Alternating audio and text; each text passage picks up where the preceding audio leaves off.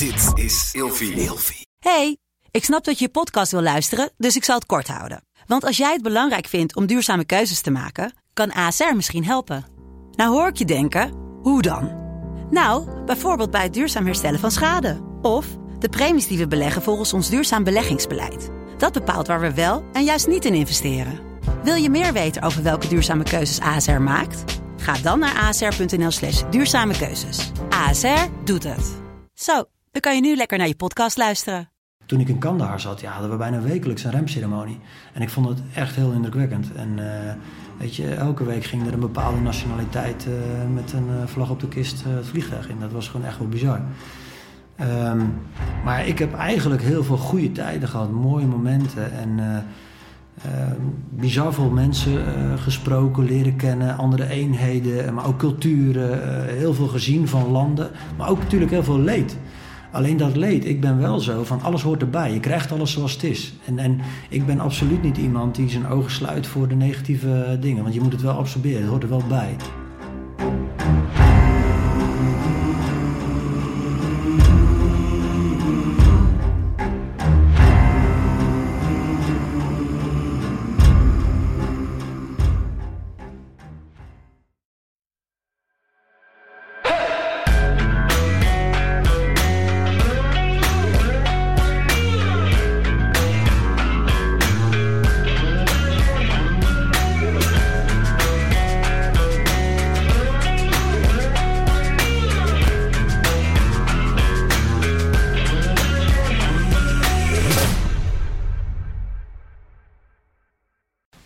Zo, welkom bij een nieuwe Scherpschutters. Tegenover mij uh, zit Willem. Tof dat je er bent.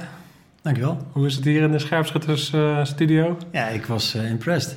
Ik, ik vind het echt tof eruit zien. Een professionele kit. Ja, oh. Er is niks op aan te merken. Ja, dat verwacht je niet hè, als je binnenkomt. ja, het is, het is nieuw. Ik heb het nooit gedaan. Dus je hebt eigenlijk niet echt een idee wat je moet verwachten. Maar het is gewoon, we hadden ook gewoon bij Endemol kunnen zitten. Jinek. Alleen, uh, ja. ja. ik, heb, ik heb niet zo'n mooie decolleté. Dat uh, is wel jammer. Nee, nee ik moet er maar mee doen. Uh, ja, wij, wij kennen elkaar via Arminius eigenlijk. Hè. dat ja. is regelmatig ook al teruggekomen in de podcast natuurlijk. Arminius is een netwerk. En Paul die met zijn met, ja, met clubje bezig is om mensen op te leiden voor Defensie. Maar daarachter zit ook, Mark heeft natuurlijk ook al verteld over Arminius. Het, ja, het, het All Boys Network noem ik het maar voor, de, voor het gemak. Het is eigenlijk een netwerk van oud-commando's die elkaar gewoon opzoeken, omdat het gewoon fijn is om ehm, met elkaar ehm, ja, de dingen te delen die je hebt gedaan. En ook uh, gewoon op zakelijk gebied met elkaar te kijken of je elkaar een beetje kan versterken. En, maar, maar ook dus met onverwachte dingen hoorde ik je net vertellen bij een bak koffie. Dat je dus elkaar soms ook helpt met van hey, ik, heb een, ik heb een medisch, ik heb een hernia. En nou, ik ken nog wel iemand. Hè, dus elkaar gewoon helpen. Ja. Dat is gewoon een heel uh, tof gevoel wat je bij de baas had, maar wat je daarna dus eigenlijk bij een club als Arminius uh, ook vindt. Zeg ik dat goed dan? Ja, ja, zeker. zeker. Het is, uh, ja, ik, ik wist ook niet toen ik er voor het eerst mee te maken kreeg, nou, wat, wat, wat houdt het precies allemaal in? Nou, ik stelde me gewoon open, ik ging verschillende keren naartoe. Ja, en het is van de ene kant is het heel erg leuk om mensen te zien die je lang niet gezien hebt. een aantal lezingen, even een kijkje in jouw bedrijf. Ja, het is gewoon heel divers, het, het aanbod. Ja, en, en eh, ik ben er gelukkig uh, medisch heel erg bij gebaat. En dat is misschien wel iets wat je helemaal niet uh, verwacht. Nee. Maar ja, omdat ik toevallig een oud collega tegenkwam die allemaal zag dat het op dat moment niet zo goed met me ging. En uh, uiteindelijk ja, via hem het advies gekregen om, om bij een bepaalde specialist er even wat aan te doen. Ja. En daar ben ik wel heel blij mens van geworden. snap ik, ja. Je lacht weer. Ja, ja, ja. Nou ja, kijk, wat, uh, de reden dat, dat ik toch interessant vond om met jou in gesprek te gaan... is omdat jij, uh, nou, je nam net ook je eigen merk mee als cadeautje van de Flying Dutchman. Dat is, dat is jouw bedrijf, uh, waar we het ook nog even over gaan hebben natuurlijk. Ja. uitgebreid denk ik wel. jij bent ondernemer en je bent eigenlijk gewoon... ja, in deze, dus, zelfs in deze tijd ben je gewoon maximaal drammen. En is het ook wel eens interessant om dat te laten zien. Hè? Wat, hoe, hoe jij dat dan afgaat als, als ondernemer in deze tijd. En daarnaast heb je, ben je ook heel erg nauw betrokken bij veteranen met, uh, met een aantal stichtingen waar we het even over gaan hebben. Over wat je daar dan uh, voor doet en uh, hoe, hoe, je daarop terugkijkt. Um, maar waar ik eigenlijk wel even wil starten nu is, wat ik altijd zeg, is ja, wie ben jij eigenlijk? Want mensen die zitten te kijken zullen jou waarschijnlijk niet allemaal kennen. Dus kan je even kort voorstellen uit wat voor nest jij komt en waar je bent opgegroeid en zo. Ja, dat is goed. Ik ben Willem van der Vlist. Ik ben uh, opgegroeid in een, uh, een, nest van binnenvaartschippers, baggeraars.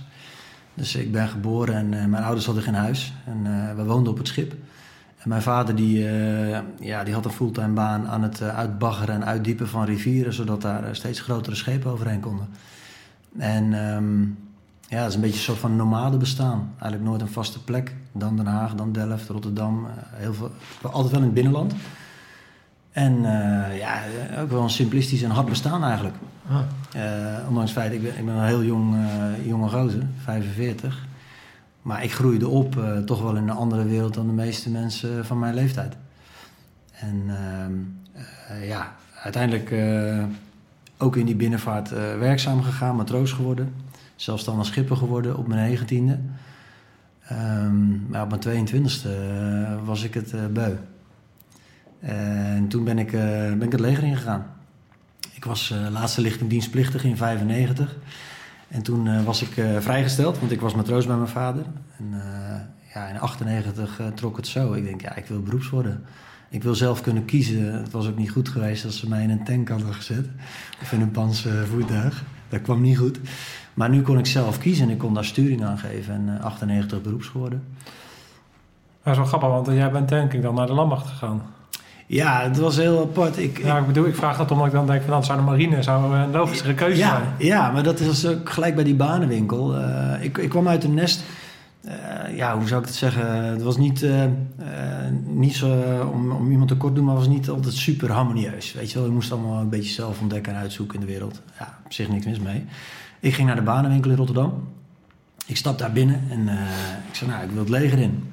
Die man zegt ja, wat doe je nu? Waar kom je vandaan? Ja, en die zei gelijk van, ja, de modeniers. Maar ik zei tegen die man, ik wil niet meer varen. Ik ben er helemaal klaar mee. Ik wil nooit meer op een boot. Ik, ik, was, ik had helemaal gehad met dat varen.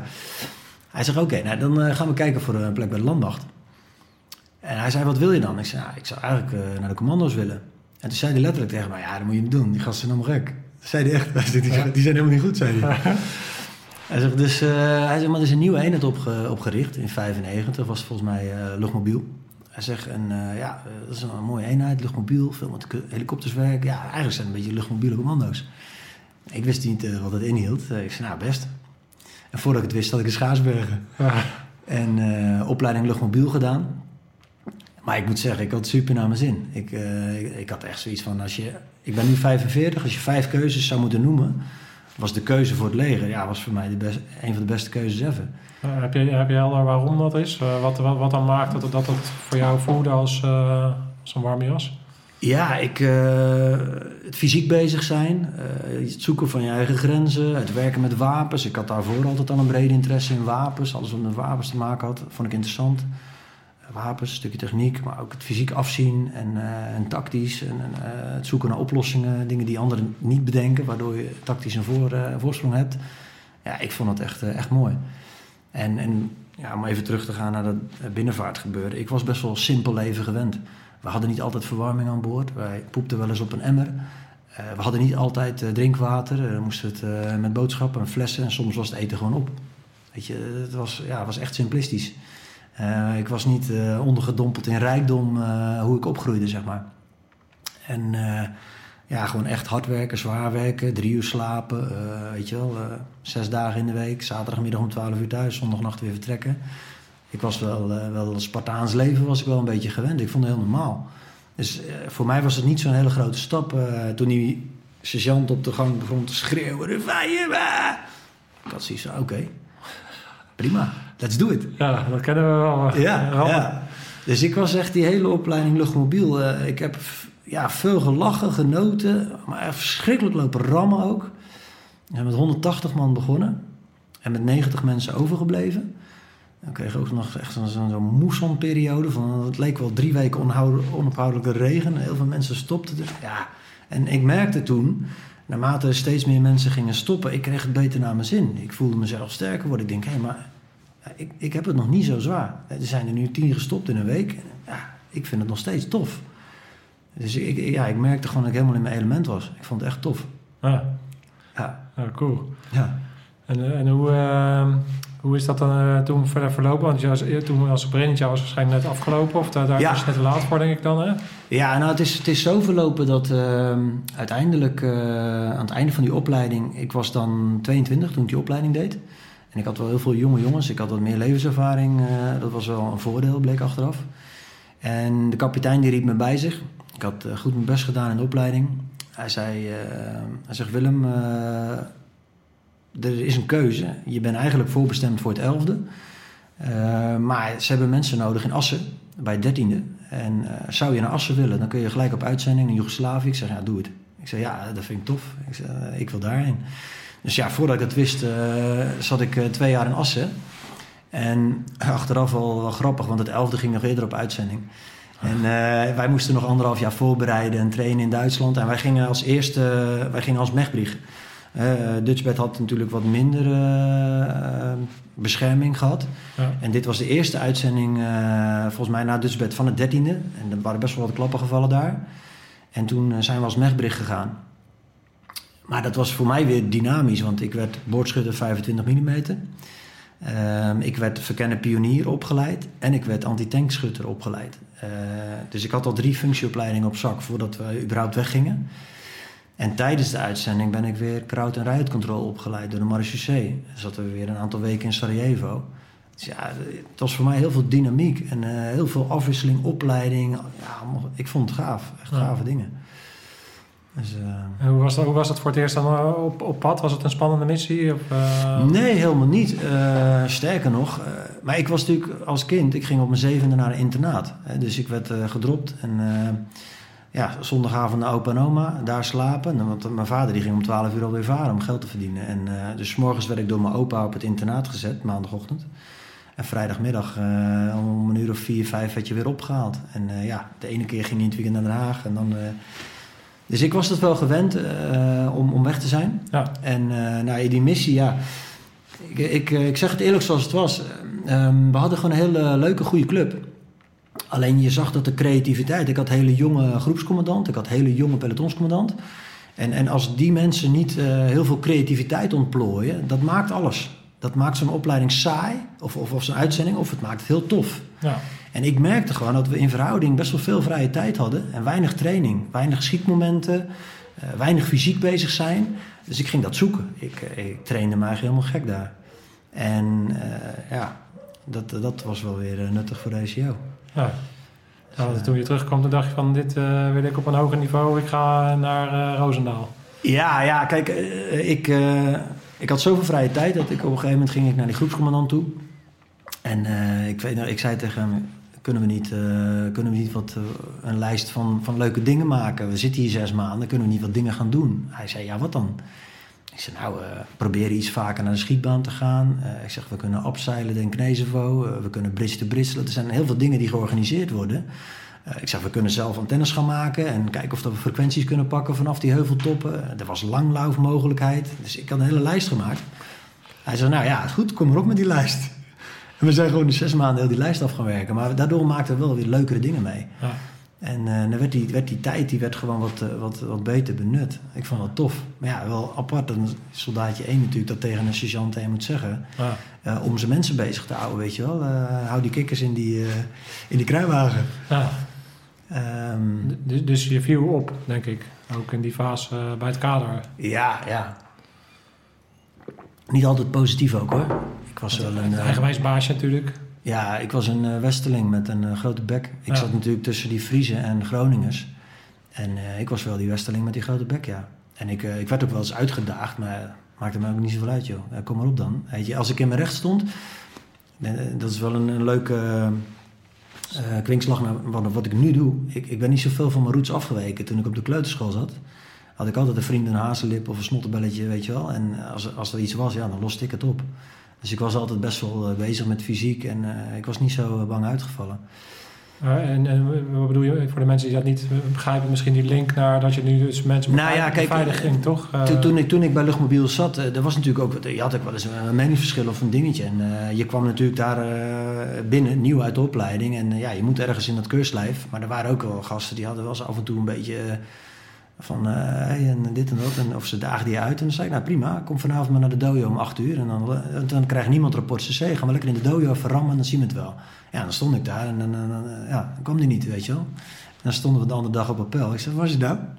Dus je, je, had wel wat frictie hier en daar. Ik vond dat heel normaal, weet je. Ik denk, ik hoef niet alles te pikken.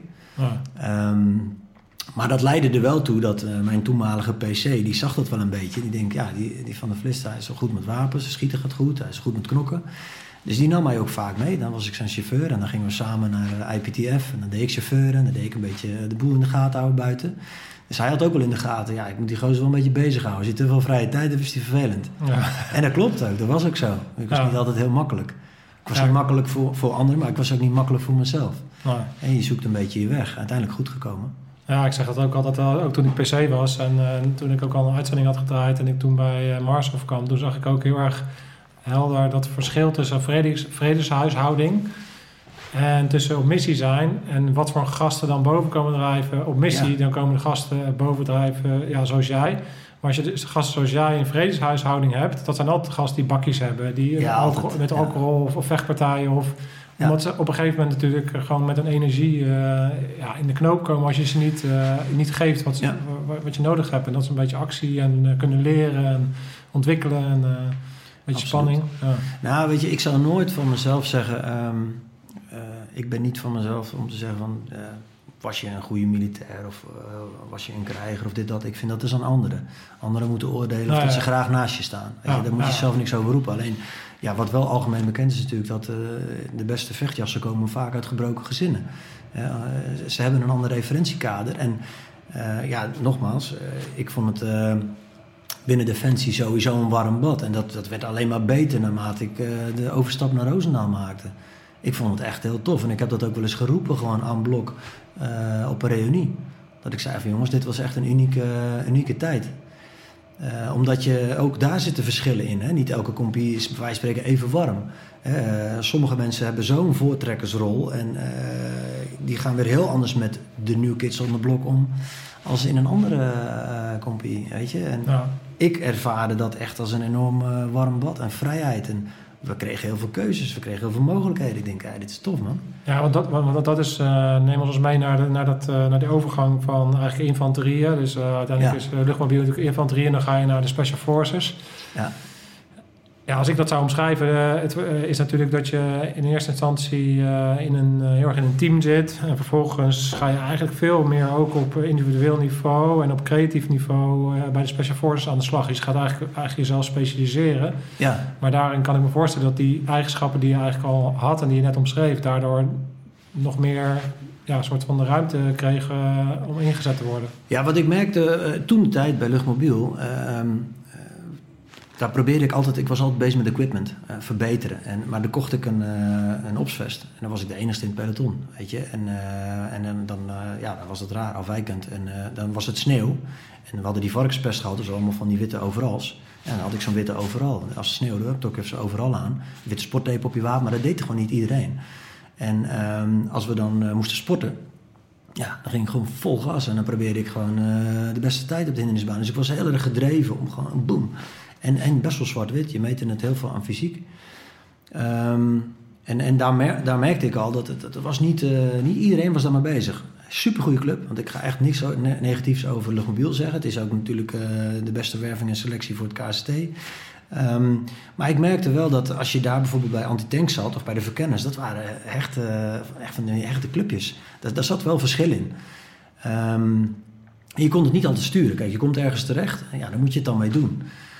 Um, voor mij was uh, van doorslaggevend. Ik stond op een gegeven moment te wachten en dat was uh, rond het millennium. Ik stond in die bunker en uh, gewoon koud en, en kloten en vijf, 600 man op zo'n kamp. En ik stond daar op wacht en, en in één keer kwamen die KCT'ers binnen. En gewoon burgerkleding, burgerautootjes, woonden in huis in de stad, speciale wapens en dingetjes. En, en, niemand wist precies eigenlijk waar die gasten zich mee bezig hielden.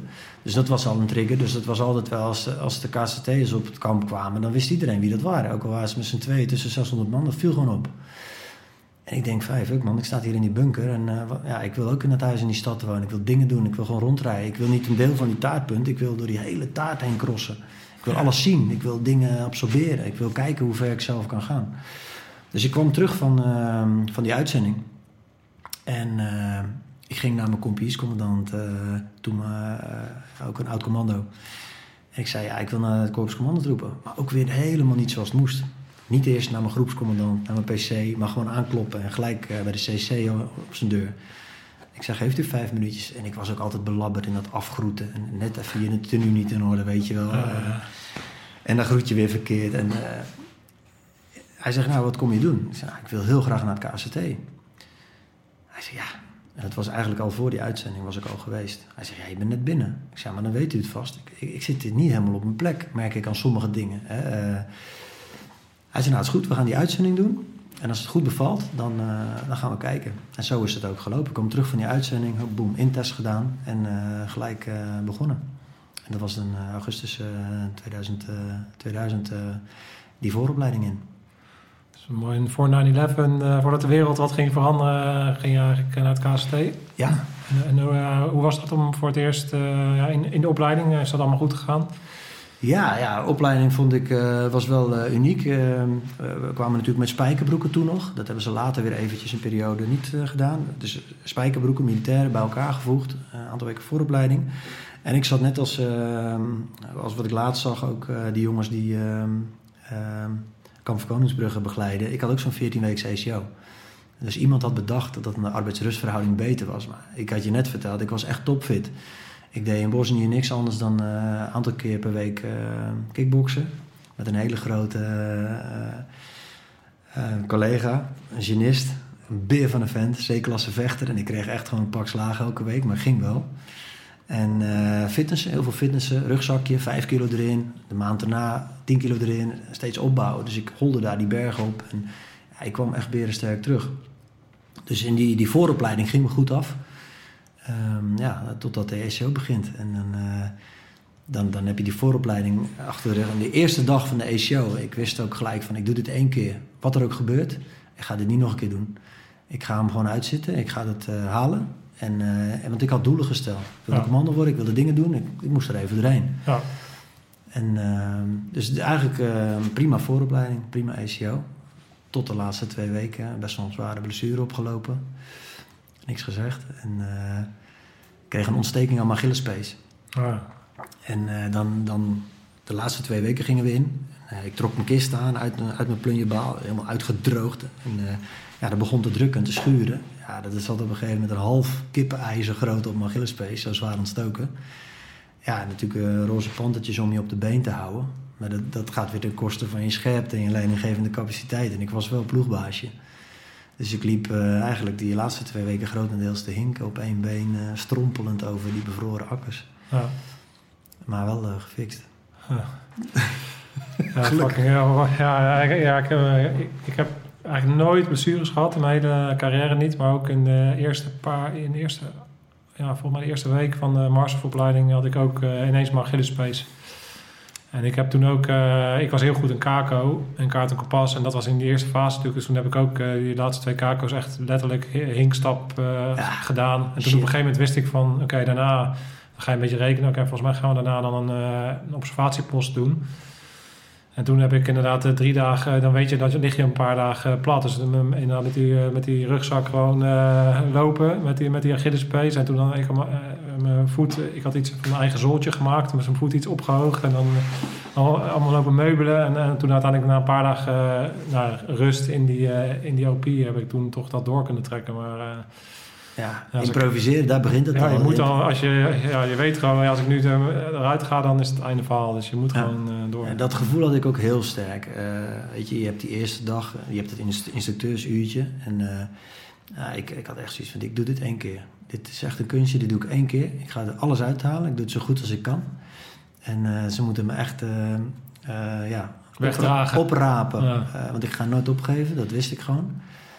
En, en dat was wel mooi, want aan het einde gebeurde dat wel. En, uh, ja, wat ik heel erg uh, koester zeg maar, aan uh, die tijd, en zo heb je wel meer dingen in het leven. Ja, je maakt er gewoon dingen mee, die, ja, daar heb je altijd wat aan. Tot aan je dood toe heb je er wat aan. maar gewoon loyaliteit, kameraadschap, um, ja, um, jezelf opofferen, dingen bedenken, creatief zijn. Ja, ik heb daar wel hele bijzondere lessen geleerd. Ja. En eh, dat is waardevol. En buddies voor het leven gemaakt. Ja, ook dat. Ook Ja. dat. Ja, nice. Ja, en, en, want dan eh, daarna eh, ga je eh, operationeel. Heb je bij het KST kunnen halen wat je kwam zoeken? Absoluut, absoluut. Ja. ja, ik had het geluk natuurlijk, net als mijn hele lichting. wij kwamen uit de VCO. Allemaal jonge honden, superfit. En, ehm, en ja, toen eh 9-11. En eh, wij zaten op de Harskamp in de schietserie. We waren aan het trainen. En eh, ja, 9-11, eh, we zaten in het onderhoudslokaal. moesten allemaal van de schietbaan. En er zijn een aantal momenten in die tijd bij het KST, eh kon ik me eigenlijk nog goed herinneren. Je vond het gewoon eigenlijk heel erg kloten. Want je zat op de schietbaan en je was lekker bezig. En je, werd gewoon teruggehaald. Wat is dit dan? Ja, dan zit je met z'n allen in één keer naar die beelden te kijken. En dat, eh, ja, dat is natuurlijk wel bizar. Dat, eh, ja, daar hoop je nooit meer in je leven mee te maken. Maar ja, iedereen is natuurlijk wel doordrongen van het feit... hé, dit is echt goed mis. En dat was ook zo. Want heel kort daarna ging de eerste club van ons die kant op. Ja. En wij waren volgens mij de tweede club die ging. De tweede of derde club. En, dus dat was al eh, begin 2002 dan? eh, Eh, ja, ja. En, en wat, wat ook bijzonder is, ik, ik was een jaar of 14 of 15 of, en, eh, en ik was altijd eh, gek van wapens, wat ik zei. En toen kocht ik in eh, Rotterdam bij de Dump 2000 een heel groot mes, een grote Bowie knife. En daar stond ook op Afghan knife. Helemaal niet weten dat ik later bijna drie jaar van mijn leven in Afghanistan zou wonen en werken. Door dat ene moment. Dus het was best wel uniek om te ervaren. Maar wij zagen alleen maar kansen. Weet je, ook kansen. Want ja, ehm, daar is natuurlijk al heel veel over gezegd. Maar ja, inzet, dat hoort erbij. Dat is een part of the job. En eh, niet eh, dat we rondholden als een stel adrenaline junkies. Maar eh, ja, je wil gewoon je werk doen. Ja. En, en dat, dat vond ik wel bijzonder om te ervaren. Dat soms zelfs een generaal dat eigenlijk niet goed uit kon drukken. Terwijl het eigenlijk heel simpel uit te drukken is. En dat hoorde ik wel iemand... ik, ik hoorde iemand dat een keer uitdrukken. Ik denk, ja, zo moet je het uitdrukken. Het- Je moet het niet vergelijken met een spelletje voetbal. En dat deden sommige generaals. Zeggen, ja, maar een, een voetballer wil ook niet op de bank zitten. Maar dan vergelijk je het met een spel. Terwijl ik hoorde op een gegeven moment de vergelijking van een chirurg. Van een, een hartchirurg of een eh, eh, hersenchirurg wenst ook niemand een, een TIA of een hartinfarct. Maar het is wel fijn dat ze er zijn. En, en, en dan vergelijk je het weer met de specialisten die, die we waren. En die die mensen nu nog zijn. En dan, dan, dan zet je ze op, op de plek waar ze horen. Ja. En dat eh, vind ik wel mooi. Ja, ja, want het is altijd heel makkelijk om het natuurlijk als cowboys eh, weg te zetten. Of inderdaad, eh, zeker als je iemand hebt die zegt van eh, ik hou van wapens. Of weet je, ik vind dat interessant. Hè? Dus Ja. dan word je natuurlijk al snel weggezet als een ander gekkie. Of, En je bent een asset, Of- je bent, je bent een tool. Ja. Omdat jij dat kan en omdat jij daarvoor opgeleid bent. ja, en omdat je je hele leven daarin geïnvesteerd hebt om daar te komen. En dan wil je gewoon dat werk doen. En dan was Afghanistan natuurlijk ehm, ja, het ultium eigenlijk. Hè? Dus dat, dat was wel de, de plek waar... Ja, maar die lezing van generaal Van Um ook eh, bij, eh, bij FedEx, weet je, daar vertelt hij het ook gewoon. Eh, mijn tool, hè, een schilder heeft een penseel, een schrijver heeft zijn pen en mijn tool was het wapen. En het is gewoon nodig. Het is gewoon nodig. We kunnen niet zonder. Dat kunnen we allemaal wel willen. We ja, kunnen allemaal bezuinigen op defensie, maar dat is gewoon niet goed. Want we hebben het keihard nodig. ja, En vrijheid is gewoon best wel iets heel bizars. Ik had vandaag nog iets, weet je. Ik, ik zie regelmatig dingen waarvan ik denk van ja, vrijheid is eh, iets heel kostbaars. En, en ook in onze eigen wereld, onze eigen maatschappij brokkelt het steeds verder af, vrijheid. Eh, ik zat vanochtend bij de kapper en die moest iets van zijn deur afhalen. Weet je, daar stond vroeger, schoren, een beetje jongensgrapje. Eh, daar stond gewoon dat honden en mannen waren welkom, maar vrouwen niet. Ja, het is geen dameskapper, dat is ook gewoon een beetje humor. Hij moest het gewoon van zijn deur afhalen. Als je vroeger bij Schorum kwam, dan kreeg je een whiskietje of, een- of een rummetje of een biertje. Nou, dat mocht ook niet meer, want het is geen eh, kroeg. Ja. Dat, is- dat is ook vrijheid. Maar het- je, je leeft in een maatschappij waar we heel veel voor gedaan hebben, voor gelaten hebben, maar je mag er bijna geen grap meer maken. En anders, eh, eh, tuurlijk, ik vind eh, genderneutraal ook prima.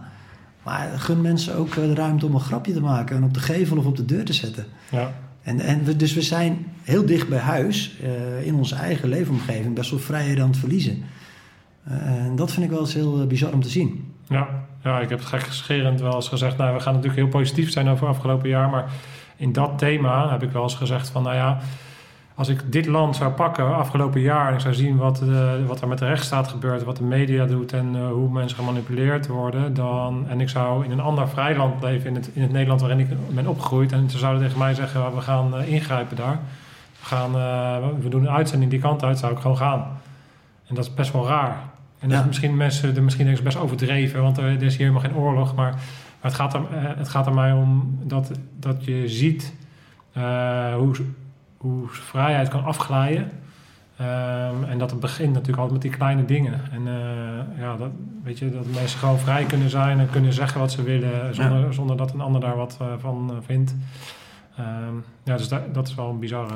Ja, iedereen ervaart het op zijn eigen manier. En, en ik moet zeggen, ehm, eh, afgelopen jaar, 2020, heeft mij zo, zoveel eh, goeds gebracht. Maar ook eh, voor het gezin zie ik er heel veel positieve elementen in. Ik heb dat op een heel andere manier ervaren. En, en, en wat ik, eh, waar ik ook mee, mee gestopt ben, zeg maar, is als je er te diep over na gaat denken. Ja. Ik had er ook geen tijd voor, hè, dat zal ik zo toelichten. Eh, ja, dan wordt het ook heel ingewikkeld. En ik, dus ik heb dat ook maar gelaten. Ik was heel druk met mijn bedrijf. En eh, dat, dat ging allemaal goed. En dat was gewoon, het, ja, het was voor mij eh, het beste jaar ooit. Het is best Ja. bijzonder om te zeggen. En dat besef ik me ook. Hè. Dus ik zit hier ook een stukje nederig. Ik zit hier niet om een toko te verkopen. Want daar, daar hoef ik het niet voor te doen. Eh, maar als ik mensen kan inspireren. of als ik iets bij kan dragen aan een stukje positiviteit. Ik was vorig jaar gewoon en druk met mijn bedrijf. En eh, ik was druk met, met mijn nieuwe woning en het verhuizen en het verkopen van mijn oude woning. Ik heb eigenlijk helemaal niet zoveel tijd gehad om heel diep over die materie na te denken. Maar wel de positieve elementen, daar kon ik me eigenlijk wel op focussen. Ja. Dat er eigenlijk gewoon heel veel kan. En als je dan focust op wat er allemaal wel kan. Eh, en dat tegen mijn dochter ook. eh, ja, die hoor ik ook wel eens tegen een vriendinnetje zeggen van... eh, het lijkt wel oorlog. Ik zeg, even serieus. Je kan nog sushi bestellen, je kan naar de Mac... je kan het park in, je kan nog buiten sporten. Er kan heel veel wel. Focus je op wat er vooral wel kan. Ja, en, en, en het is verschrikkelijk, hè? al die mensen die ziek zijn. Natuurlijk dat het honderdduizenden levens heeft gekost. Daar kun je niet aan voorbij gaan. Dus we kunnen wel zeggen van het is een griepje. Maar dat doe je onrecht aan al die mensen die heel veel eh, schadelijk leed eh, hebben opgelopen. En al die bedrijven. Eh, dus- Dus we, aan de ene kant wil je er niet lichtvoetig over denken. En, en ik denk dan ook bij mezelf, je zou maar in de regering zitten. Hey, 17 miljoen mensen, je doet het nooit goed. Whatever. Wat, wat, wat voor keuze je ook maakt. Het is nooit goed. Ik benijd die mensen niet. En het enige wat ik dan richting die regering, dat ik denk van hé hey jongens, doe eens wat aan teambuilding man. Eh, ja, nee, Ja. serieus. Kijk, binnen, en daar, daar komen wij vandaan, dat warme bad.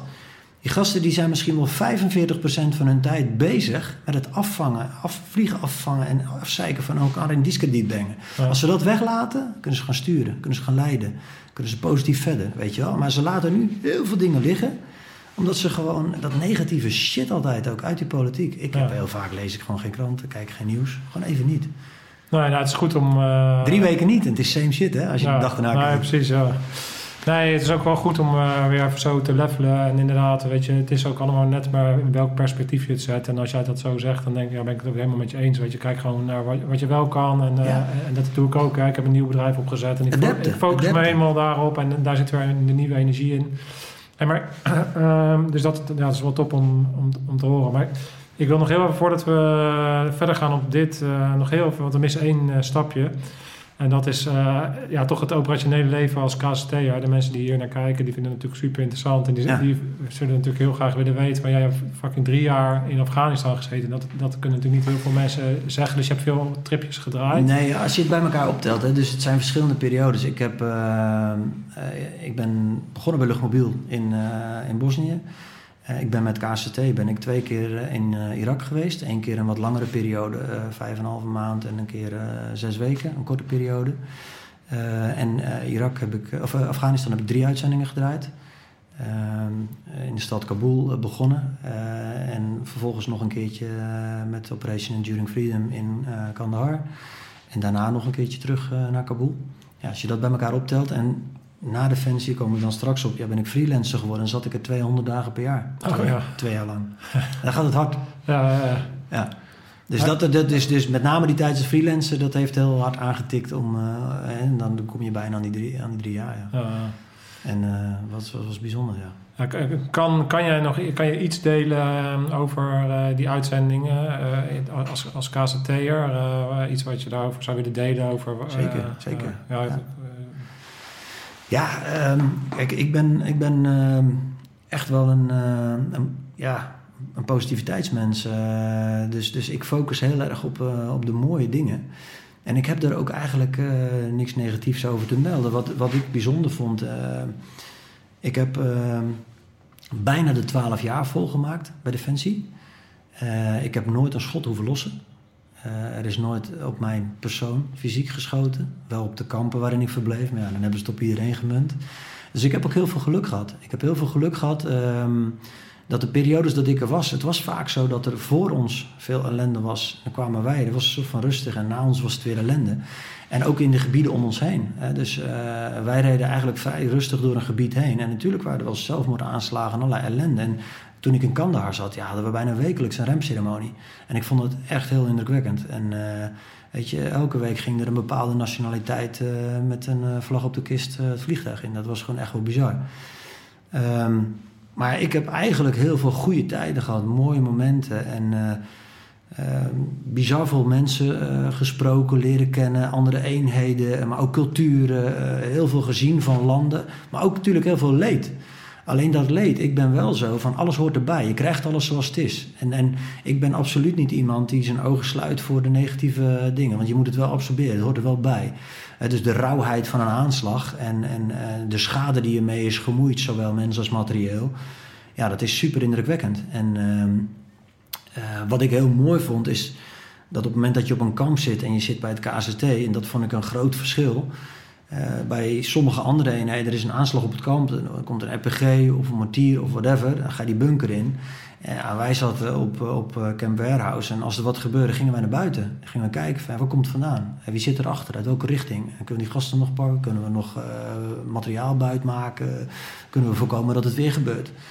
En wat ik ook al zei over die taartpunt. Je had niet één puntje van het gebied, maar je mocht overal komen. Ja, het geeft ook een bepaalde, bepaald gevoel van dat je meer proactief bent en ook in actie bent in plaats van reactief bent. Ja. Je draagt bij. En, Maar uh, ook als we, als we weinig tijd hadden, uh, je was soms gewoon heel druk. Uh, ja, dan was je continu de polder bezig. Dus die periodes gingen ook best wel snel. Die vijf, zes maanden was zo om. Ik had eh, heel vaak helemaal geen tijd om op mijn nest te leggen of, of, de, of, of, veel films te kijken. Je was of aan het trainen, of je stond op de schietbaan, of je was aan het pompen, of je was met je onderhoud bezig, met je voer, of je ging weer de heli in. En dan was je weer twee weken weg. Uh, vooral in Irak was dat zo. En dat was gewoon, hè, boem, twee weken weg. En dan kwam je terug, onderhoud. Ja, dan was je misschien een paar dagen, boem, en dan ging je weer. Dus je, je was lekker dynamisch bezig. En uh, ja, je leerde in no time uh, de gebruiken die handig waren ja, het was als, als, als een spons absorberen. En, en uh, we hadden op een gegeven moment in een team volgens mij meer dan 40 uitzendingen. Uh, ja, correct me if I'm wrong, maar het is natuurlijk best wel bijzonder als je met 8, 9 man bent. Ja. Uh, heel veel diversiteit. Er zijn ook luchtmobielen erbij.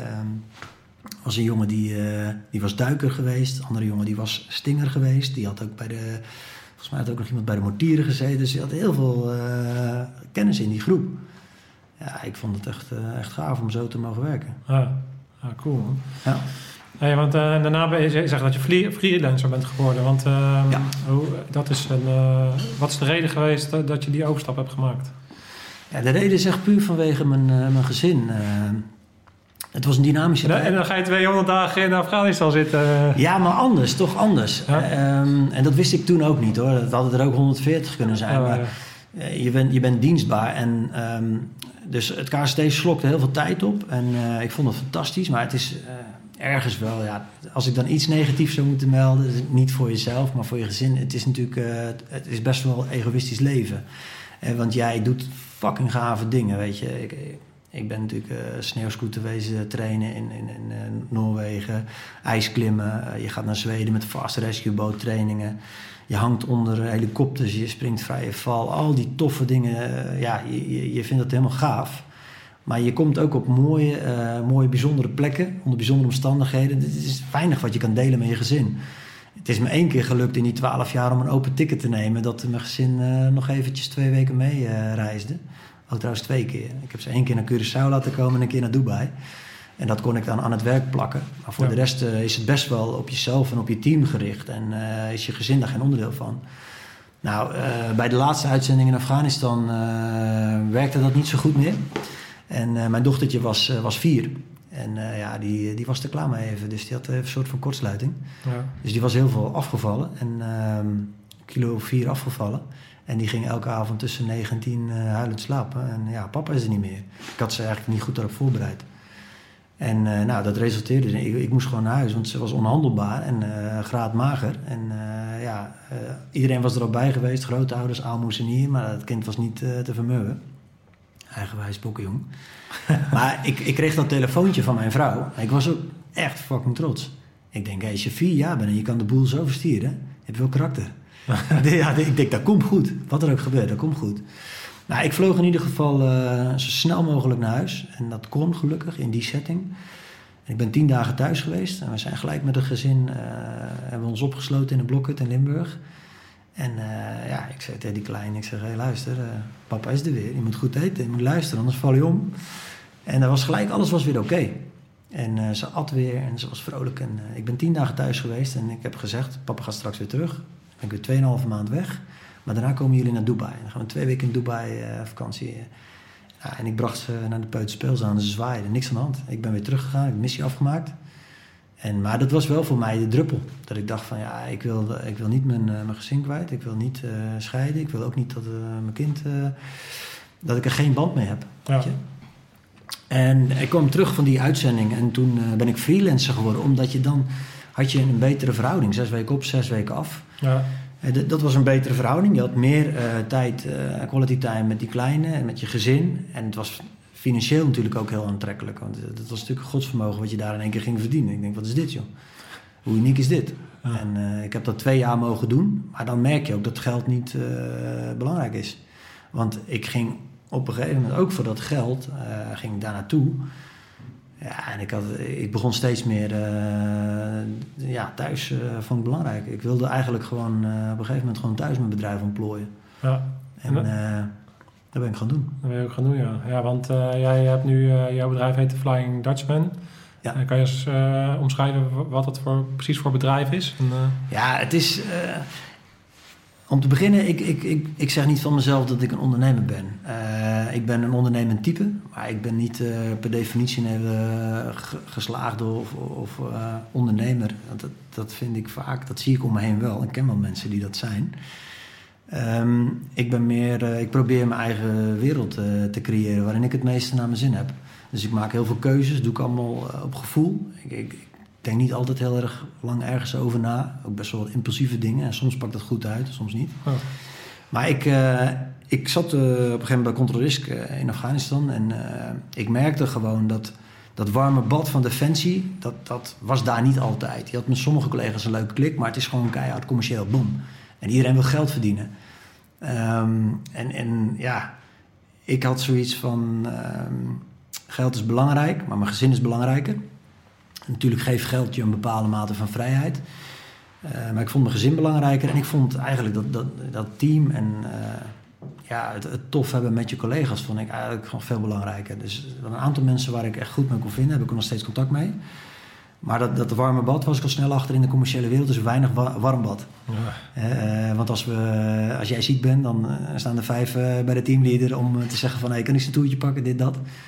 En uh, ja, aparte dingen maak je ook mee. Uh, we hadden ook een teamleader die was veel meer bezig met zijn tapijtjes en allerlei privé dingetjes dan dat hij aan het sturen was. En ik had zoiets hey. Dus ik zag ook mensen, sommige mensen die bleven echt uh, in hun achtergrond. En die waren gewoon net zo goed als dat ze waren binnen de diverse organisaties bij de overheid. Want je werkt in een mix van AT, ja, BBE, BSB, DKDB, KCT. Een hele, hele gezonde mix. Dat vond ik echt heel tof. Dus dat vond ik echt tof om te ervaren. Heel veel vakkennis. Toffe gasten ontmoet ook. Mooie dingen mogen doen. Maar ik merkte ook gewoon sommige gasten, die, die, ja, die maakten er gewoon een zootje van. Hey, je was freelancer, je verdiende fucking veel geld. En je moest zes keer in de week gebeld worden voor de briefing om op tijd te zijn. Ik, vond, ik denk, wat is dit joh? En ik wist al van mezelf na een aantal weken, maanden, ik ga er niet heel lang volhouden. Ik ga een andere richting op. Ja. Toen ben ik mijn bedrijf begonnen. Uh, en in het den beginnen uh, was dat best wel maritiem georiënteerd. Ja, toch weer terug. Toch terug naar je roots.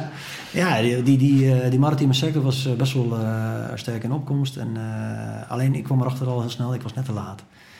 van 1500 dollar per dag ging dat al heel snel. Naar die marges zijn echt naar ja, het ja, ja, ja, logisch. Er werden mensen uit Sri Lanka ingehuurd voor 300 dollar per maand. Ja. Dus ja, weg is je winst. Dus ik heb dat een tijdje gedaan. Ik heb een paar keer geluk gehad. Hele leuke trendjes gedraaid.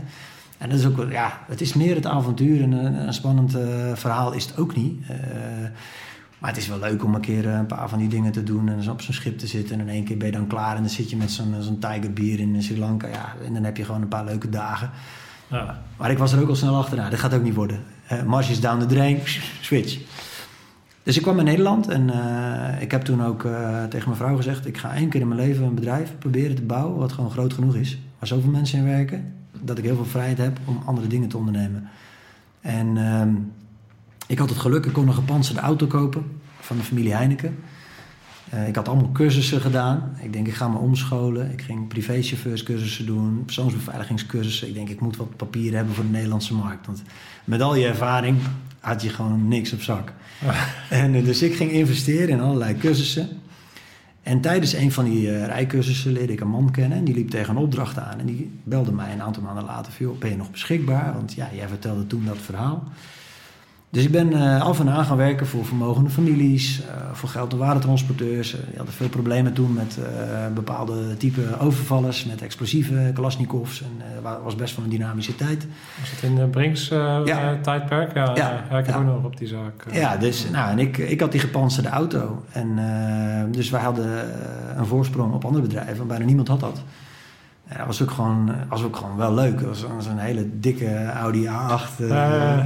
verlengde versie. Nou, de ramen een beetje getint, kogelwind, vest aan, verbindingsmiddelen. En uh, je kennis, de auto, je vest en de verbindingsmiddelen zijn dan de wapens die je hebt in de Nederlandse wetgeving. Ja, je, bent niet, je mag niet dragend wapendragend nee, zijn. Nee. nee, maar dat was ook wel de uitdaging. En kijk, uiteindelijk, laten we niet vergeten dat bij de, of dat nou bij de MIVD of AIVD is, exact hetzelfde verhaal. Hè? Die gasten zitten in het hoogste geweldspectrum en hebben ook gewoon niks op zak. Nee. Uh, dus ik vond het ook wel de uitdaging om te counteren op zware criminelen zonder dat je eigenlijk een wapen hebt. Um, nou ja, wij pasten onze methodieken daarop aan. En, en, wij wisten wel vijf tot zes overvallen per jaar gemiddeld te voorkomen. Ik heb twee jaar lang uh, voor Brinks uh, mogen werken. Ik mag dat wel gewoon zeggen, er is niks geheim aan, het is allemaal achter de rug. Maar we hebben twee jaar lang hebben we gewoon uh, alles schoongehouden rondom dat bedrijf. En uh, dat is gewoon een feit, daar kan niemand ja, omheen. Maar en, en, hoe bedoel je dat dan uh, voorkomen? Was het, zat je dan ook in de Intel-opbouw en kan je het dan voorkomen doordat je eigenlijk al weet dat, dat, ja, ja. dat die komt? Of, of ja, je aanwezigheid in risico, risicosteden, risicowijken, waar statistisch gezien veel overvallen waren. Nou, daar waren wij meer aanwezig en rondom bepaalde waardetransporten. Dus ja, die crimineel die aan het voorbereiden is, die ziet ook gewoon van... hé, hey, wat zijn dat voor gasten? Uh, en, en het is voor hun moeilijk te peilen. Ben je recherche, ben je, uh, ben je gewoon een stille of AT? Dus ze vinden het heel, heel apart. Ja. En, en, en daar kun je misbruik maken en eigenlijk gebruik maken van je oude skills. De manier waarop je kijkt, de manier waarop je beweegt, de manier op je, hoe je eigen kleedt en je, je vesten, je gebruik van je equipment en de inzet van je voertuig. Ja, dat, dat, dat ziet een crimineel van nee, dit is niet pluis, ik ben er weg van. En dat is gewoon een aantal keer echt zo gebeurd dat uh, bepaalde type, uh, ik wil daar verder niks over zeggen Oh. inhoudelijk, maar er komt een Golf GTI aan, er zitten twee types in en die stappen uit en die zetten een zwart gespoten integraal helm op. Ja. Weet je, ik heb het nooit bij me in de auto. en als je dan gaat lopen natuurlijk naar zo'n geldloper, ja, dan weet je hoe laat het is. En op het moment dat ze dan langs ons kwamen en je kan dan uh, jezelf kenbaar maken, uh, je hoeft ze niet aan te spreken, maar je kan wel uh, met je auto laten zien of, of, ze zagen de portofoon op je stoel leggen of ze zien je kogelwindende vest of je stapt uit op afstand met een scherpe blik en je volgt ze. Ja, we, we, hebben een aantal keer op die manier dat echt kunnen voorkomen. Ja. Ook vuurwapen teruggevonden na een poging in de bosjes. Dus ja, gewoon echt relevante bijdragen. Ja. En ja, dat vond ik tof, dat ik dacht van hé, hey, ik ben nu thuis ik was nog steeds wel heel weinig thuis in die bouw van dat bedrijf. Want ik Ah. heb eigenlijk echt helemaal slag in de ronde gewerkt. Maar het was gewoon nuttig werk. En daar mocht ik mee beginnen. Dus ik heb het geluk gehad in die zin van het werken in het buitenland, het werken binnen Defensie. Toen die overgang naar control risk, twee jaar lang high risk, uh, zwaar gewapend, uh, de persoonsbeveiliging op de ambassade. En vervolgens ongewapend uh, wel met serieuze zaken bezig zijn in Nederland. Dus het, het was een hele natuurlijke manier van afkicken. En, en ook nog af en toe een klusje tussendoor in het buitenland waar het vergunningstechnisch perfect klopt. Ik werkte bijvoorbeeld voor een Duits bedrijf. Het was echt perfect uh, geregeld. En daar kon het allemaal weer wel. Um, ja, dus ik had een hele mooie overgang. Ja. Ik, had, uh, ik had geen last van uh, ik mis dit en ik mis dat. En dat heb ik nog steeds niet. maar wel de dingen die ik waardeer. De, de hoge mate van kameraadschap en professionalisme. Uh, dat, dat vond ik wel heel kenmerkend. Want heb je dat nu binnen je eigen bedrijf? Heb je het gevoel van dat je nu ook een soort van dat familiegevoel uh, binnen, jou, uh, binnen jouw clubje hebt? Ja, ik hou het enerzijds heel klein. Uh, in mijn bedrijf, ik heb de Flying Dutchman opgezet en uh, ik ben nu intern met drie man. Ik heb een, ik heb een hele fijne rechterhand die operationeel manager is en alles aanstuurt. Ik huur best wel een aardige club freelancers in. En ik heb dan een dame daarnaast die ook heel erg bezig is met sales en marketing en het onderhouden van alle afspraken en klantencontact. Maar op een gegeven moment begon dat bedrijf best wel te groeien. En toen gingen we van vijf naar tien. Ja, op een gegeven moment liep er veertig man. En dat is best wel wat sturing en facturatie en salarissen en dergelijke wat erbij komt kijken. En toen hebben we een keuze gemaakt om het bedrijf te splitsen. Mijn vrouw was er inmiddels bijgekomen. En hoe uniek is dat? Dat je eerst acht maanden per jaar, negen maanden per jaar weg bent. En vervolgens werk je dag en nacht samen. Ja. En dus ja, dat vond ik echt wel gaaf om, om te zien. En ik, ik wist het ook dat zij het kon. Zij werkte heel hard voor een bedrijf als, als, als managementassistent. En ik heb toen wel eens tegen haar gezegd: wat jij ook begint als ondernemer, als je het over ondernemer hebt, zij is echt een ondernemer. Ik zeg, wat jij begint, dat wordt een succes. Jij, jij steekt er ook zoveel energie. En, uh, dus ik heb haar best wel snel erbij gehaald. Nou, toen ging dat bedrijf groeien. Toen waren initieel met z'n drieën, twee dames en ikzelf. Ja, en op een gegeven moment, toen voelden we dat het ging ontploffen. En toen hebben we het gesplitst. Toen, toen is zij haar eigen bedrijf begonnen. Dus we hebben nu de Flying Dutchman Security Group. Dat is mijn tokootje, gepantserd vervoer. Daarin ondersteunen we allerlei bedrijven, vermogende particulieren en de overheid. Niets buiten dat. Uh, maar we ondersteunen met, ook met andere projecten, met coaching op straat, eh, preventie, uh, drugsoverlast, drugsdealen, vandalisme, bedreigingen. dat doen we ook met, met teams. Um, en zij is een, een detacheringsbureau begonnen uit zijn bureau. Ja, en op een gegeven moment heb je in één keer samen 100 man aan het werk. Ik vond het echt fucking bijzonder om te ervaren. Gaaf. Ja, ja heel bij, bijzonder, ja. Ja, ja, dus, ja mooi, uh, bijzonder uh, verhaal. Ja, zo, ja, ja, als je zo je hele leven zo eventjes uh, in een uurtje eventjes zo de revue laat passeren... is dat natuurlijk gewoon ja, super gaaf wat je allemaal hebt gedaan en wat je mee hebt gemaakt. En, en het punt waarop je nu dan uh, staat. Want, en dat je dus ook uh, die keuze hebt gemaakt voor je gezin. Want jullie zijn nog steeds bij elkaar. Ja, en anders ja ik, je... uh, ik ben 18 jaar getrouwd. Ja. En, en, ja, het is ook uniek. Ja, ik, ik benoem dat omdat het uniek is. ik heb eigenlijk heel veel gesprekken hier gehad. En ik heb ook heel veel collega's gehad. Ja, maar het, het, feit dat je dat allemaal bij elkaar hebt en dat dat happy is. Dat is, dat is, dat ja, is, luister, het is, ik, ik vind met heel veel dingen. Je moet uh, nederig zijn. Weet je wel, uh, tel je zegeningen. Denk dan een keer s morgens aan en s avonds voordat je gaat slapen. Maar wat is er allemaal meegevallen? En uh, we zijn links en rechts, er zijn ook collega's natuurlijk lichamelijk beschadigd of geestelijk beschadigd. Ehm, en dat heeft niks met het. we hoeven niet op de toer van het geloof of zo. Maar ik ben er wel bewust mee bezig van. Ik heb heel veel geluk gehad. want ook allerlei tics en, en, en ellende, het, het, overkomt je. Je kunt, je kunt trainen tot je een onsweeg. Als het gebeurt, moet je er klaar voor zijn. En uh, het is niet dat je het kan plannen of zo. Uh, en, en, als het je dan goed afgaat en als je gezond terug mag komen. En, en als iedereen uh, zonder kleerscheuren, net als toen op die situatie met de 104, 108, ja, noem ze allemaal maar op. Jongens hebben soms zo verschrikkelijk lang en veel moeten vechten. Maar ook collega's die 4,5, 5 maanden in een gebied zaten. En die hadden even mailcontact met, met een teammaatje uit een andere compie. Ja, kom nog een snijper tekort. Ja, wil je blijven? Ja, oké. Okay. Twee weken naar huis, boem, weer vijf maanden een gebied in. Hey, die dedication, ja, dat is uniek. Dat is echt uniek te noemen. Want de meeste mensen zouden daar na een dag al heel graag weg willen. Maar gewoon wetende, eh, zonder bravoure, zonder een adrenaline junkie te zijn, gewoon wetende, ik, ik kan het verschil maken. Ze hebben me nodig, ik ben hier van nut. Dat draagt veel meer bij uh, dan, dan die adrenaline junkie die op zoek is naar een piece of the action. Want die had hij al zat gehad, die vier. En, en tussen dat soort mensen werken. Ja. Topsport is gewoon op een bepaalde manier. Ja, dat vond ik echt uniek.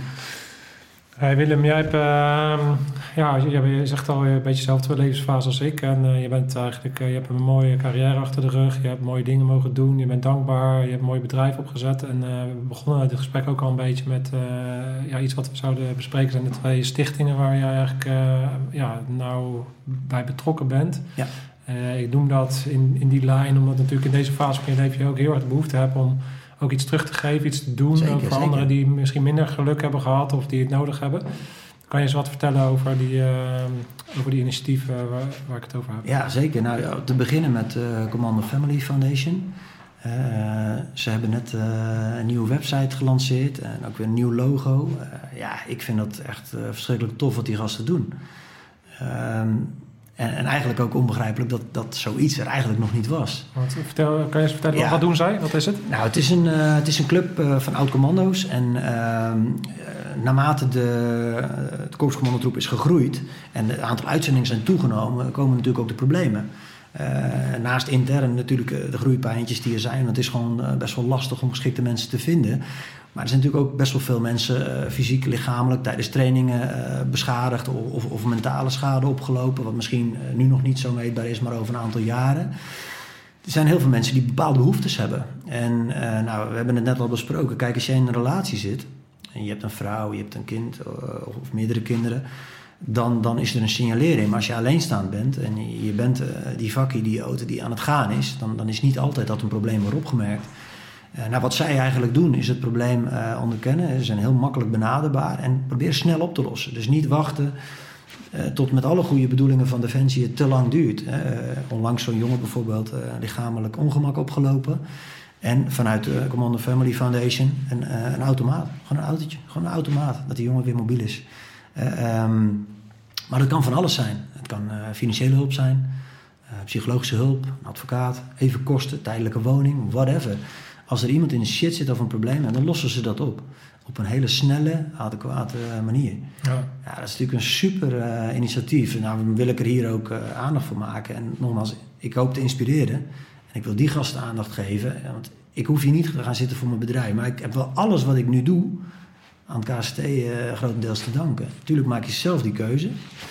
Maar ik, ik heb daar wel skills geleerd waar ik heel veel aan had bij de bouw van mijn bedrijf. Ja. En dat is inderdaad wat je terug wil geven. Als ik mensen kan inspireren, als ik iets bij kan dragen. Nou, gaaf. Ja.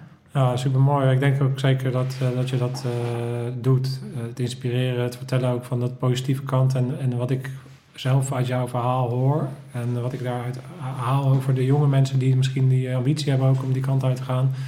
Is ook uh, ja, gewoon de manier waarop je jezelf opstelt en uh, hoe je steeds wil blijven groeien en hoe je positief uh, de dingen benadert en hoe je jezelf elke keer uitdaagt en, en, en, en dan vervolgens die dankbaarheid. Dat zijn allemaal van die elementen die je uit zo'n verhaal kan halen waarbij je al een goed beeld kan vormen van ja, dat, ja, ja, ik denk dat je als je in die leeftijd zit ook heel erg nodig hebt om een beetje zo'n rolmodel te hebben of iemand te hebben tegen die je kan bewonderen en kan kijken, kan je daar wil ik deze dingen uithalen en die wil ik bij mezelf ook ontwikkelen, weet je wel. Dat soort dingen zijn denk ik heel belangrijk tegenwoordig.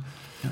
Dus, uh, dat, uh, ja, ik, uh, als je terugkijkt naar die periode, hè, terwijl ik zit te luisteren naar je verhaal en ja, ik, weet, ik ken gewoon twee mensen en dat vond ik echt tof toen ik dat hoorde. Er was een jongen waar ik veel mee trainde op de sportschool en met Keukenschien, gewoon lekker sparren en lekker hard. En die jongen die was ook gewoon, was een marinier ook. En hij zat niet zo lekker in zijn vel. En ik sprak met hem. En uh, ja, ik zei op een gegeven moment... joh, waarom, uh, waarom probeer je het niet? Waarom maak je niet een overstap? En uh, nou, hij had best wel wat dingetjes gedaan bij de mariniers. Hij was overgestapt naar, naar Roosendaal. En hij is ook, ook sniper geworden. Ook naar de 100, 104 volgens mij. En OBT gaan doen. Gewoon uit enthousiasme. Ik vertelde erover. Ik had er echt een toffe tijd gehad. Ja. En dat, dat is natuurlijk waar je... Ehm, Natuurlijk zijn er shitmomenten geweest. Shitmomenten in een opleiding of shitmomenten in, in een uitzending dat het even niet geregeld is. Maar ja, ik, ik vond gewoon uh, toch wel misschien 95 of 98 procent van die hele tijd uh, binnen Defensie heb ik gewoon fucking goed naar mijn zin gehad. En dat mag gewoon gezegd worden. Ja. Ik heb daar gewoon uh, niks negatiefs over te melden. Kijk, dat het niet altijd was wat je verwachtte, maar dan moet je blijven zoeken en schaven. Ja. En dan moet je zoeken naar die andere plek. En zo is het ook met ondernemen. Um, ja, als iets niet loopt, probeer je wat anders. We gaan in de maritieme sector laten vallen, mensen plaatsen. Ja, uh, op een gegeven moment kwam ik erachter, dat is niet mijn ding. Ja, mijn vrouw is er heel goed in gebleken. En, en ik ging weer mijn andere kant op. Ja. Dus jezelf blijven ontwikkelen, dingen blijven zoeken, niet bang zijn. Op je bek gaan, opstaan en weer door. Uh, maar die jongen, uh, ja, dat, dat, dat, dat, vond ik eer, een eervol gevoel. Dat hij commando was geworden. En, en ik had nog een jongen, toen ik instructeur was op de KMS, ik kom op de reunie. Ik zeg, even verdomme, ben je commando geworden, joh? Hij zei, ja, man. Hij zei, ik kon er niet achterblijven. Hij zei, ik vond het gewoon tof hoe jullie met elkaar als instructeurs op de KMS omgingen. Dat vond hij inspirerend. Ja, daar word ik nederig van, weet je. Dan denk ik van, ja, dat, dat is de bedoeling. We moeten van elkaar leren. En ook wat Ray Klaassen laatst zei. Ik heb me er ook wel eens schuldig aan gemaakt. Uh, als je jong bent, meet je heel erg fysiek. En de wereld is vrij zwart-wit. En eh, ja, ben je fysiek niet eh, de sterkste? Dat is allemaal gelul. Dat is allemaal gelul. Want eh, je hoeft fysiek niet de sterkste te zijn. Daar heb je die pilaren en die ploeg voor. En als je in een ploeg zit met acht of negen man... en je hebt eh, vier, vijf fucking sterke gasten... laat die anderen alsjeblieft dokter anders zijn. En laat hem alsjeblieft heel goed zijn eh, met, met, met verbindingen, met medisch, whatever. Ze versterken elkaar, maar reken elkaar er niet op af als je een keer een mindere dag hebt. Vang elkaar op, ondersteun elkaar en neem elkaar mee. En, en ik heb dat altijd wel gedaan, maar ik ben wel mezelf erop betrapt dat ik ook wel eens te snel een mening heb gevormd. Eh, of Ja. dat je misschien afstand nam van mensen, weet je. En, eh, ja, dat hoeft Ja, niet. Zeker in zo'n klein clubje. Nou, ik, Eh, en ook daar achteraf, wat Ray ook eh, aangaf laatst. Weet je, toon respect naar alle generaties, want op hun schouders hebben wij doorgebouwd. ja. En ik ben ook een Neandertaler, ik ben al tien jaar weg. Dus alles is veranderd, weet je. En dat besef ik me ook. Alles is veranderd, alles. De, de, de wapens, optiek, alles is anders. Maar de, gasten die het werk moeten doen, eh, die veranderen niet zo heel veel hoor. Ik bedoel, eh, Ja, ja. uiteindelijk natuurlijk eh, een generatiedingetje. En, eh, maar ik bedoel, de basisprincipes blijven natuurlijk altijd hetzelfde. En dat zijn ja, die pijlers waar, waarop je moet kunnen bouwen. Is dat je gewoon integriteit hebt en dat je voor elkaar wil gaan. En dat je, Ja. dat je wil werken en dat je wil bijdragen. Ja, die dynamiek, die- dat- vind ik echt weergaloos. Ja. En, ja, als je dat in je bedrijf kunt brengen, die, die dynamiek en die drive om door te gaan, ja, dat is een hele grote key eh, tot succes. Dat je gewoon om half zes vrijdagmiddag op de zaak komt, terwijl in principe iedereen om vier uur gewoon naar huis kan gaan. En dat je om half zes binnenstapt en dat je denkt, van, iedereen is nog aan het werk. Ja, hij moest nog even wat af, dit, dat. Ja. Ja, dat is gaaf. Dat is mooi. eh, dedication, loyaliteit en het ook echt gaaf vinden om met een team eh, dingen te bereiken en dingen te doen. Ja. En op een gegeven moment heb je mensen in je bedrijf die doelen stellen, die, op, die, die je zelf op een gegeven moment niet eens zou durven dromen. Maar zij stellen die doelen en ze gaan ervoor en ze halen het ook. Ja, dat is, dat is ook wel uniek. En dat, dus dat hele KCT-DNA, eh, opdracht is opdracht en die staat en je voert hem gewoon uit en je gaat gewoon door. En net zo lang creatief. Eh, ja, dat is wel Ja. gaaf. Ja, mooi man. Nou, je, jij hebt ook, eh, je vertelde ook dat je een boek hebt geschreven. Want je hebt- bent Ja. ook bij een andere stichting. Wat, Ja, wat is dat dan allemaal? Ja, ehm, ik, eh, ik kreeg een relatie met mijn, eh, met mijn huidige vrouw. En eh, ik begreep dat, dat haar grootvader een best wel bijzondere positie had bekleed in het ver- verzet. Ehm, wij komen uit, uit Sliedrecht, boven de rivieren. En, en de, de Brabantse Biesbos was een, stukje niemandsland tijdens de oorlog. En ja, de, de geallieerden die zaten inmiddels al in Drimmelen. En ja, er moest heel veel informatie, inlichtingen, medicatie, wapens, personen, eh, spionnen bezet gebied in. Maar piloten en, en generaal Hackett bijvoorbeeld eh, naar Market Garden is ook door deze club vervoerd. Ja, dat was een hele bijzondere bruisende geschiedenis, want ik ging er steeds meer over lezen. In die tussentijd was ik zelf instructeur geworden op de vaarschool van het Korps Commandotroepen.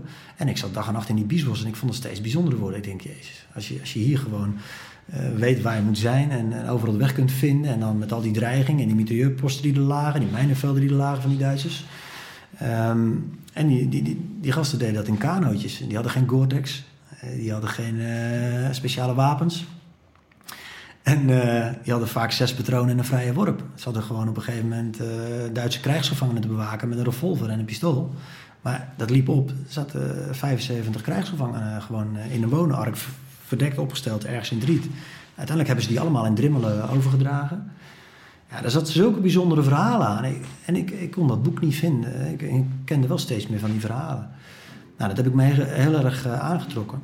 Eh, met name omdat een van die eh, verzetsleden, die kreeg een bronzen kruis, kruis uit, ja, kruis van verdiensten, of een bronzen, bronzen leeuw heb ik natuurlijk ook.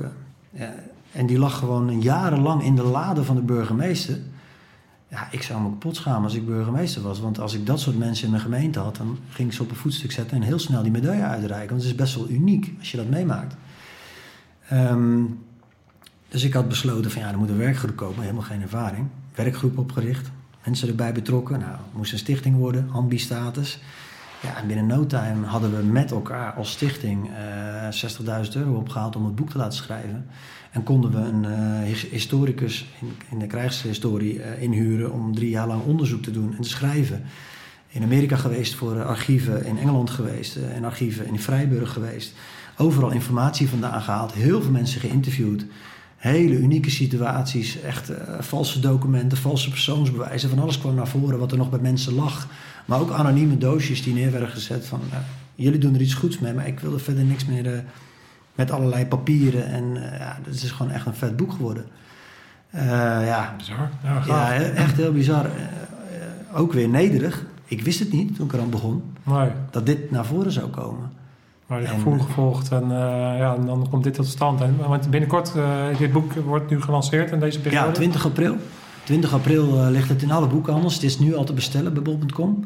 En, eh, Hoe heet de, het? Ja, de Linicrossers. Ik, ik zal, eh ik zal Ja. nog even doorsturen. Even een linkje, zoals mensen kijken en denken, dit boek moet hebben. Ja, ja, ja. Linicrossers. De, ja, het, is, het is echt een heel bijzonder verhaal geworden. Ik, Eén dingetje wil ik aanhalen. Ehm, ja, als je tussen de begin 20 en, en 30 jaar bent... en vier omzwervingen... eh sommigen hadden wel een militaire achtergrond, sommigen totaal niet... Vier omzwervingen. Er waren eh, gasten die kregen het voor elkaar om via Zuid-Amerika in Londen terecht te komen. Dus die pakten gewoon eh, ergens in Italië of in Spanje de eerste boot die ze konden pakken. Eh, En dan, dan via Zuid-Amerika. en dan ergens uiteindelijk in Londen uitkomen. Als ze geluk hadden, hadden ze een aantal maanden training. Soms was die tijd er gewoon niet. Dus je werd gerecruit door bureau inlichtingen. Maar soms werd je na drie weken al met twee pistolen, acht granaten en een radio op je rug... werd je er gewoon uitgegooid in bezet gebied. Ga maar een netwerk opbouwen. Echt mannelijke daden en ook meetbaar. Gasten die dus in staat bleken om dat gewoon in heel kort tijdsbestek gewoon tientallen, honderden mensen aan elkaar te verbinden. Dat netwerk was heel groot. Dat kwam eigenlijk uit heel Nederland. Overal kwam posities van bunkers, van ehm compagnieën, divisies. Allerlei gegevens eh, kwamen er. eh, ja, via, via die biesbos moest dat allemaal eh, naar bevrijd gebied. Echt bizar. Eh, duizenden mensen die hun medicatie kregen, die anders gestorven zouden zijn. Hè. Ze zijn in staat gebleken om gigantisch veel eh, insuline in kano's en bootjes bezet gebied in te... Dagelijks gingen er mensen dood. Dagelijks. Eh, voedseldroppings, die ook via het verzet en met toestemming wederzijds van de geallieerden en de Duitsers op heel hoog niveau. Die voedseldroppings, ja, dit is echt dit, is een, een nationaal verhaal, maar ook een internationaal verhaal. En dit boek verdient het gewoon om, eh, om gelezen te worden. ja. En, en wat respect naar die mensen, maar ook eh, om te beseffen van, eh, als het gaat over belangeloos. Die mensen, dat waren geen adrenaline junkies. Ze werden er ook niet voor betaald. Maar ze deden het omdat ze er waren. Ja, gewoon omdat ze het konden. ja. Ze kenden de biesbos, ze waren visser of schipper. Ja, echt heel bizar. Gaaf. Ja. Ja, mooi. Ja, ja, Trots, ik ben Ja, echt trots. trots, Ja, dat het is gelukt. Ja. Weet je, en dat het er is. Ik ben fucking trots. Cool. Ja. Ja, dus ik zou zeggen, eh, ga dat eh, vooral allemaal eh, bestellen en lezen. Ik, ik wil er zeker ook eentje eh, hebben. Krijg je. Eh, Kom ik bij je brengen. Ja, is cool goed. Hey, eh, ehm, hoe heet het? Eh, ja, ik zit even te kijken. Die, eh, ja, die gaat uit. We moeten zo even richting de afronding. Ja, goed. Ehm, hey, wat, ehm, we, we kijken even uh, kort naar voren. Want jij, eh, eh, wat ik altijd een interessante vraag van is: wat is het beste advies geweest wat jou al, ooit is gegeven? Het beste advies wat mij ooit is gegeven is: ja, volg je hart. Volg je hart en volg je gevoel. Durf dat ook uit te spreken. En ik heb dat, ehm, toen ik jong was, deed ik dat gewoon. Want ik wilde commando worden. En ik ging er gewoon voor. En er komt op een gegeven moment een bepaald moment in mijn leven dat ik dat niet meer deed.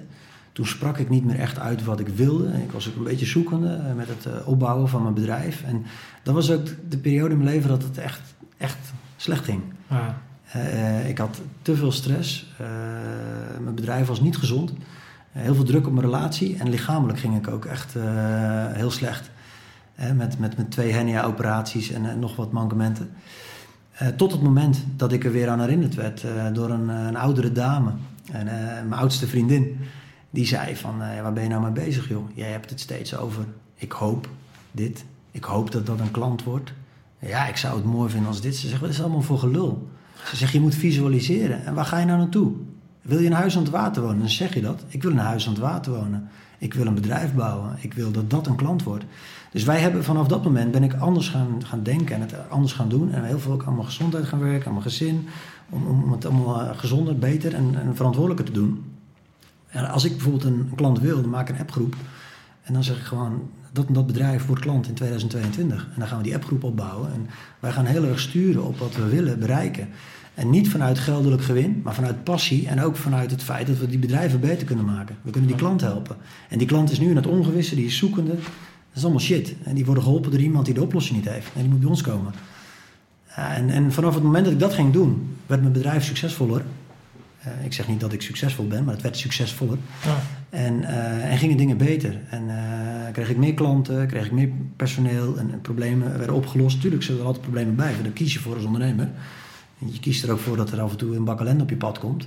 Maar als je het in verhouding hebt en, en je kunt veel mooie dingen blijven doen en, en de tijd is 85% top en 15% shit, ja, dan moet je gaan delegeren. Dan doe je het goed. Ja, ja en delegeren. En, delegeren. En, en die shit, eh, op een gegeven moment is je organisatie groot genoeg dat die shit afgevangen wordt. Dus ook weer geleerd bij Defensie. dus ja, ik ben heel positief. We hebben hele mooie dingen voor de boeg. Er staan mooie, mooie contracten, mooie klanten, leuke opdrachten. Hey, corona is bijna ten einde, mensen. Nog twee, drie maanden en dan kunnen we allemaal weer rammen. Even twee, drie maanden door die zure appel heen. Een hoop shit achter ons. Hey, pluk de dag. Pluk de dag en, en, en, en, en ja, pak het gewoon. Top. Ga wandelen. Ga wandelen. En visualiseer waar je naartoe wil. Pak af en toe even tijd voor jezelf. Ja. Eventjes, eventjes terug. Als morgens wakker worden, even een paar seconden. Even gaan zitten. Luister naar de vogels. Ik ben gezond. Ik ben gezond, ik ben fit, wat ga ik vandaag doen? En aan het einde van de dag, hey, heb ik uh, leuke dingen gedaan? Heb ik iets beleefd? Ga ik iets creëren? Maak ik afspraken met vrienden? Doe ik dingen die binnen corona nog wel kunnen? En uh, maak er een uitdaging van. En geniet. Hmm. Wijze woorden van een uh, man die het allemaal heeft gezien, uh, zo, uh, zo hoor ik dat. Dus ik ben ja, heel erg dankbaar dat jij bent aangeschoven. Ik vond het heel bijzonder om met je in gesprek te zijn. En, ja, super tof. Ik, ik vond het heel leuk om hier te zijn en ik hoop dat ik iets erbij kan dragen. En ik wens je ook fucking veel succes. Ik vind het tof wat je doet. je hebt heel veel diversiteit aan, aan sprekers. Ja. Maar het, ja, het is gewoon toch wel heel erg leuk om het op deze manier te doen. Ja. Dus dat, dat, sprak me ook heel erg aan. Tof, ja, ja dat, dat is het. Ja. Dit soort mensen zoals jij, ja, voor ons is het bijna normaal omdat je zo lang in die branche zit. En, je, maar als we het zo even bespreken uh, ja, geef je gewoon een inzicht in een wereld die voor mensen natuurlijk eh, anders is dan misschien gebruikelijk. Hè? En daar kan je toch weer dingen uitpikken die voor jou interessant zijn. En ja, dat, dat, dat maakt denk ik dat dit zo mooi is. Dat komt niet om wat ik doe, maar meer om, om het feit dat jij hier aanschuift en je verhaal komt vertellen. Dus daar ben ik, ben ik dan heel dankbaar voor. Ja. Dankjewel. Goed, goed. Cool. Willem, alles gezegd? Ja. Top man. Dankjewel. Right, bijzondere aflevering, uh, gasten. Uh, ja, dankbaarheid, positiviteit. En godverdomme, allemaal met je kadaver. Ik denk dat dat wel de, de thema's zijn eh, van vandaag is dus, Willem, dankjewel. En schuifschutters. Uit.